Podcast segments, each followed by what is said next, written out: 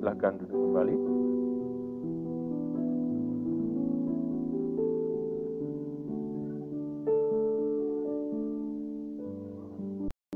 Salam Bapak yang dikasih Tuhan. Saya mengajak kepada setiap kita pada pagi hari ini, kita akan merenungkan satu bagian firman Tuhan yang terambil dalam kitab 1 Habakuk pasal yang pertama, ayat 1 sampai dengan ayat yang ke-11. Kitab Habakuk pasal yang pertama,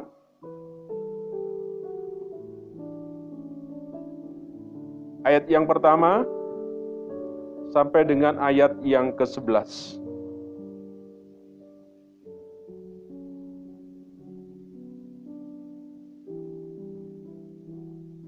Mari kita akan membaca, saya akan mengajak Bapak Ibu untuk membaca silih berganti. Saya akan membacakan ayat yang ganjil. Silakan Bapak Ibu Saudara membaca ayat yang genap. Kitab Habakuk pasal yang pertama, ayat 1 sampai dengan ayat yang 11. Demikian bunyi firman Tuhan.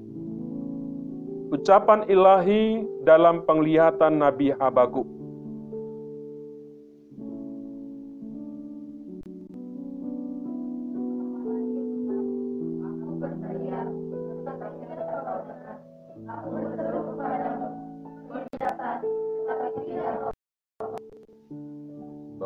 Di sini?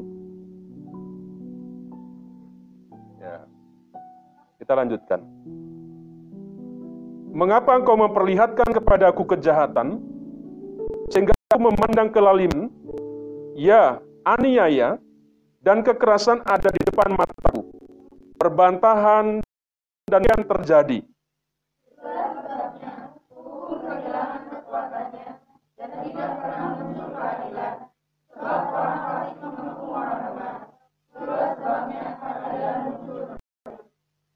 Lihatlah di antara bangsa-bangsa dan perhatikanlah.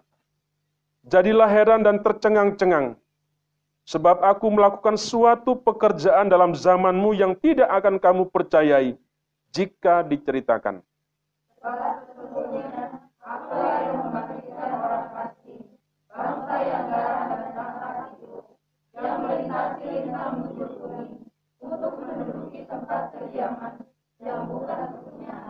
Bangsa itu dahsyat dan menakutkan. Keadilannya dan keluhurannya berasal daripadanya sendiri.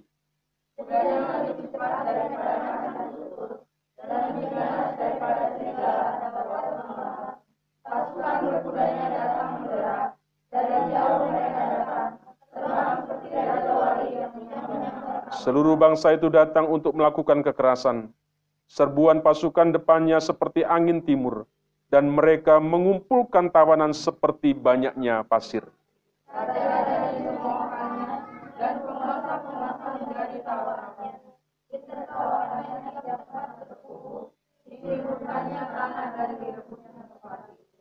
Maka berlarilah mereka seperti angin dan bergerak terus. Demikianlah mereka bersalah dengan mendewakan kekuatannya.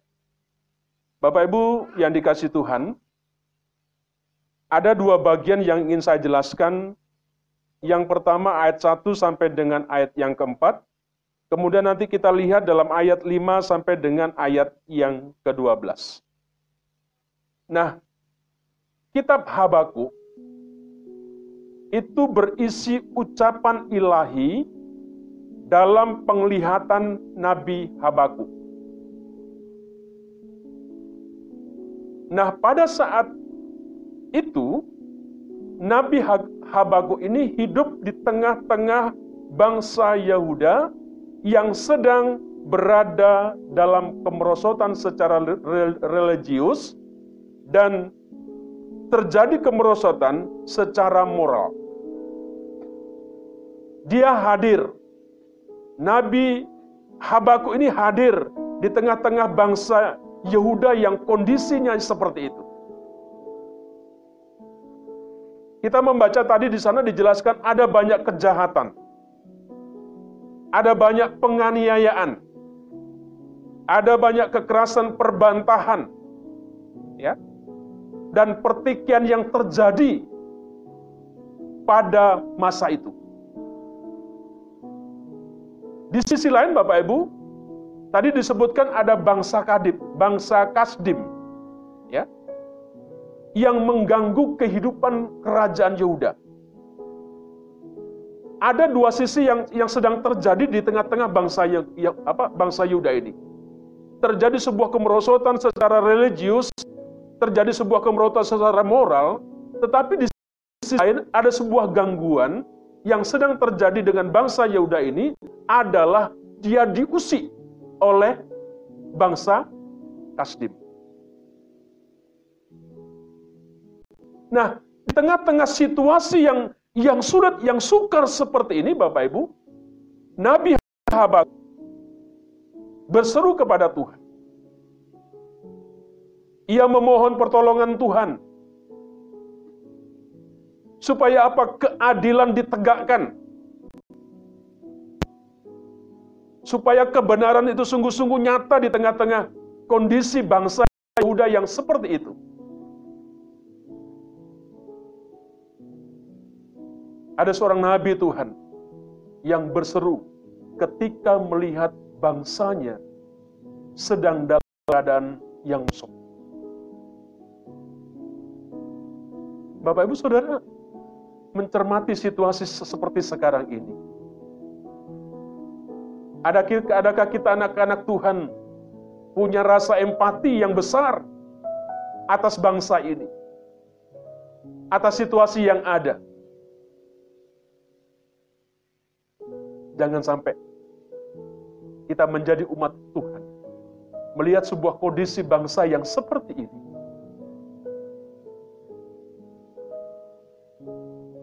terkesan kita acuh tak acuh. Tidak ada sebuah kepedulian, tidak ada sebuah em empati yang sedang terjadi. Kadangkala kita tidak terasa mengucapkan sesuatu yang kadangkala menunjukkan sebuah sikap yang apatis. Nah, biarlah. Yang penting gue begini. Bapak Ibu, Nabi Habakuk dalam kondisi yang seperti itu. Dia berseru, dia datang kepada Tuhan, dia berteriak kepada Tuhan. Memohon sebuah keadilan. Ya, supaya bisa ditegakkan kembali.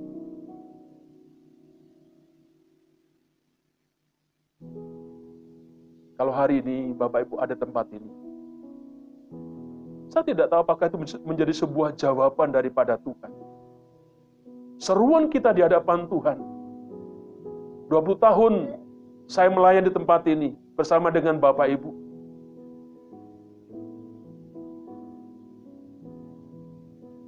Tetapi hari ini kita bisa melihat, kita bisa mengalami, kita bisa menyaksikan bagaimana Tuhan juga turut bekerja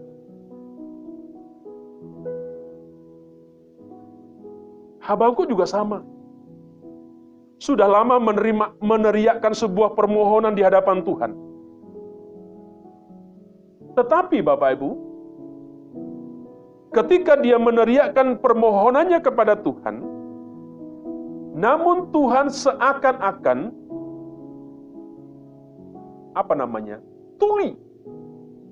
Tuhan membisu.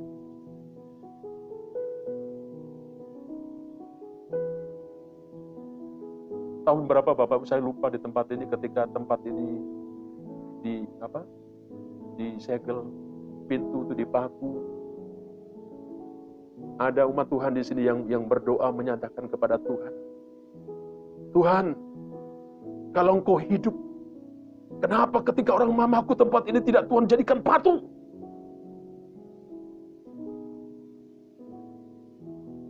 mungkin orang ini menuntut sebuah keadilan tidak terima. Maksudnya mending Bapak Ibu kalau tempatnya seperti ini. Dulu masih rumahnya asli. Ya. Saya datang ke sini aja 20 tahun yang lalu pinginnya pulang. Ya. Ini gereja. Ya. Ini gereja GKIN yang ada di Kerang seperti ini. Kami membawa dua anak kami yang masih kecil-kecil waktu Ifradik dengan Iva ke tempat. Ada orang yang bersebegitu, gitu, dia dia tidak terima, dia berkata kepada Tuhan. Kenapa Tuhan? Waktu tempat ini diperlakukan seperti kau diam saja. Mana kehebatanmu? Mana engkau yang hidup? Kenapa Tuhan jadikan dia patung kira-kira memaku begitu? sehingga bisa menjadi sebuah monumen kira-kira di tempat ini. Orang macam-macam kepada gerejanya Tuhan kira-kira jadi seperti itu. Tapi Bapak Ibu, Tuhan tidak membuat sesuatu se se seperti apa yang dimau. Apa yang dimohonkan, apa yang didoakan orang tersebut kepada Tuhan.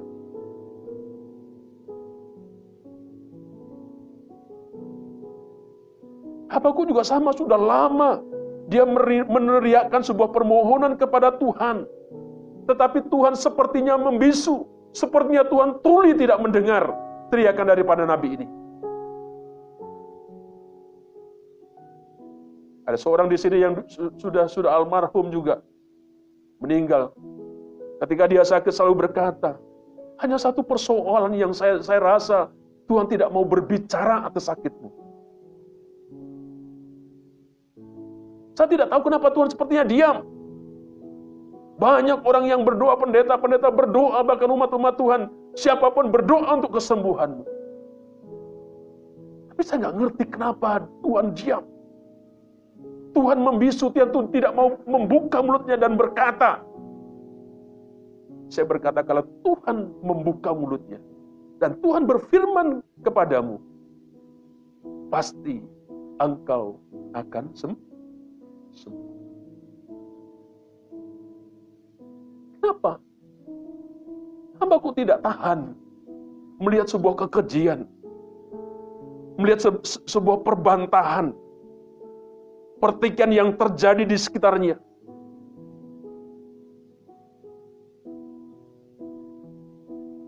Sehingga Habakuk protes kepada Tuhan.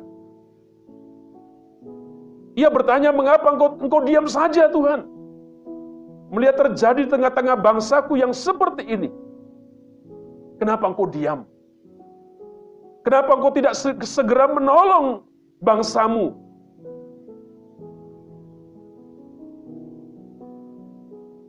Kalau hari ini rumah ini ada, umat-umat Tuhan di tempat ini masih ada sampai hari ini.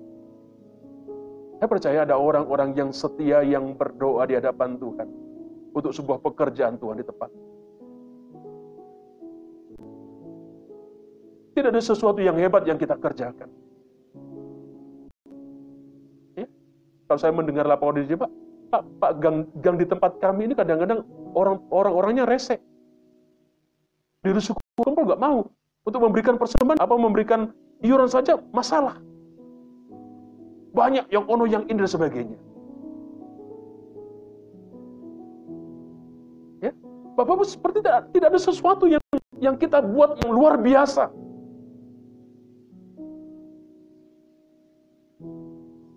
Tetapi Bapak Ibu,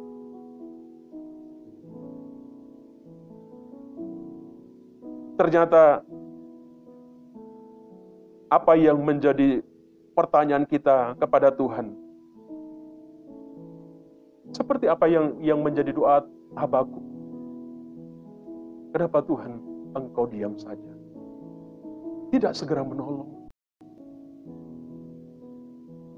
Bapak Ibu kalau saya boleh bersaksi, 20 tahun, hampir 20 tahun. Yang namanya selokan saja di apa di, di situ Bapak Ibu. Itu tidak pernah.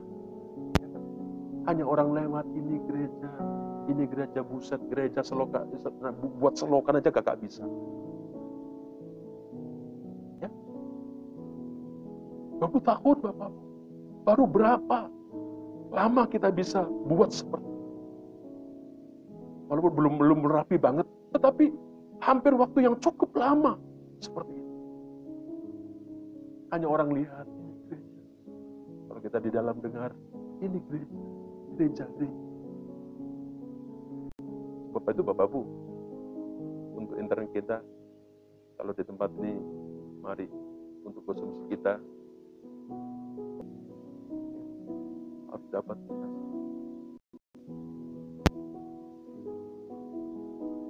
ini yang sedang terjadi ini doa yang dinaikkan oleh Habakuk kepada kepada Tuhan. Tuhan tolong. Dengan banyaknya sebuah ketidakadilan yang sedang terjadi. Habakuk mungkin berpikir, ya, hilangnya kekuatan hukum dan munculnya ketidakadilan karena Tuhan membiarkan. Ya, kenapa? Karena Tuhan membiarkan semuanya itu terjadi. Tuhan biarkan semuanya itu terjadi. Tuhan tidak menghukum mereka yang jahat. Tuhan tidak menghukum orang-orang yang seperti itu. Ini sebuah peristiwa yang sedang terjadi seperti itu, Bapak.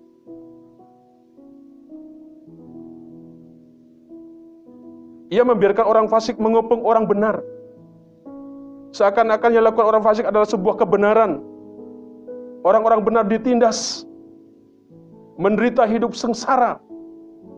Pada zaman itu, pada bangsa Yahuda waktu, waktu itu. Mereka dianiaya, mereka mengalami sebuah kekerasan. Kejahatan, kezaliman. Kefasikan seolah-olah menjadi sebuah panglima kehidupan kebenaran seperti itu. Itu kondisi pada waktu bangsa Yuda mengalami yang seperti itu. Sebagai manusia, Bapak Ibu, apa yang sedang terjadi dalam kehidupan kita, kita kadang kala marah. Ya. Kadang kita berkeluh kesah. Kita protes kepada Tuhan ketika ada kejahatan, ketika tidak ada, kita tidak ada yang terjadi pada kita. Kita kita kurang sabar menantikan pertolongan Tuhan. Kita hanya menuntut supaya Tuhan segera. Ya, segera. Segera dan segera.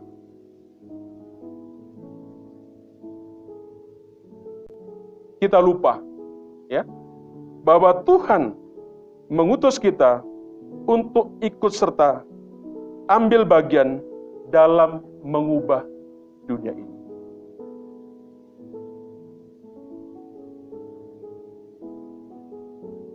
Misalnya apa? Mari kita berani untuk menyatakan sebuah, sebuah keadilan. Ya. Mari kita bisa menyuarakan keadilan yang sedang terjadi di tengah-tengah bangsa kita. Kasihan. Ya. Perlu ada sebuah kerjasama. Sebuah kebaikan yang sedang bisa terjadi. Mari saya ingin mengajak kepada kita untuk ber, berrefleksi diri dan bertanya kepada Tuhan, apa yang bisa kita lakukan? Kejahatan semakin merajalela karena banyak orang yang baik. Kenapa? Memilih untuk diam.